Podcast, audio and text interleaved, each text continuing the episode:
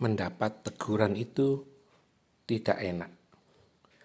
Ada rasa malu, kecewa, sedih, kesal, marah, bisa menjadi reaksi dari yang mengalami teguran.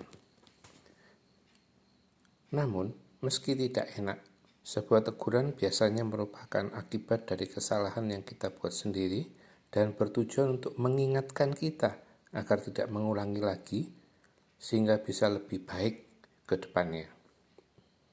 Saat sebagian orang terganggu dengan sebuah teguran, hari ini saya bertemu dengan seorang petugas di sebuah mall yang bercerita tentang surat peringatan pertama yang baru saja ia terima.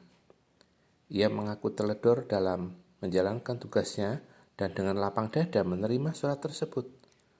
Hebatnya, ia malah mengaku senang itu reaksi yang jarang ditunjukkan oleh orang yang baru saja ditegur.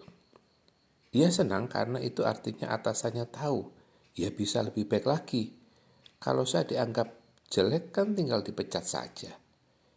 Ini diberi surat peringatan artinya saya masih diberi kesempatan untuk menunjukkan kerja terbaik saya, begitu katanya sambil tersenyum.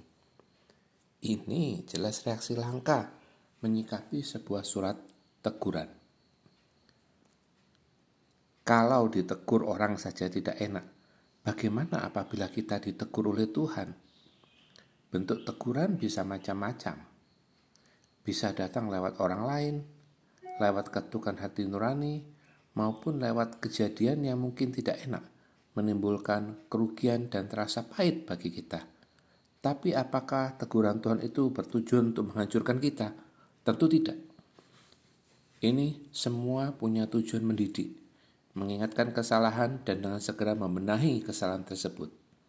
Benar, ada kalanya teguran itu terasa keras dan tidak enak, tapi terkadang pil pahit memang harus ditelan supaya kita bisa kembali sehat.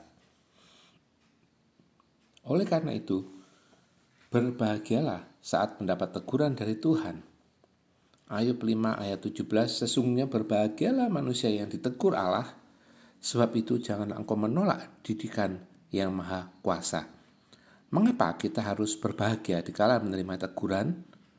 Ayat-ayat berikutnya mulai dari Ayub 5 ayat 18 sampai 26 menjelaskan alasannya. Menerima teguran ternyata bisa mendatangkan kebaikan-kebaikan seperti satu, Tuhan akan menyelamatkan kita dari bencana.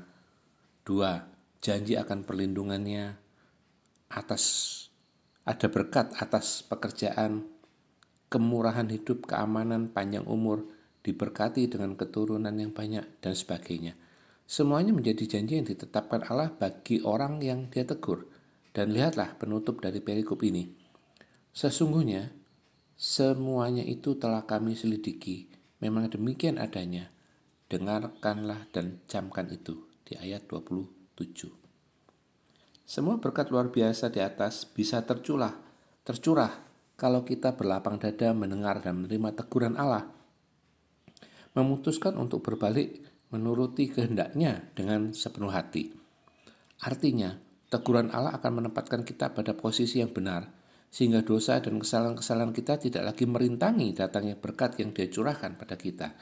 Itulah sebabnya mengapa kita seharusnya merasa bahagia ketika mendapat teguran Teguran itu adalah bentuk didikan atas kasih Allah yang sangat besar pada kita. Dia tidak ingin satu pun dari kita tersesat dan akhirnya tidak mendapat bagian dari kerajaannya kelak. Tuhan Yesus memberkati.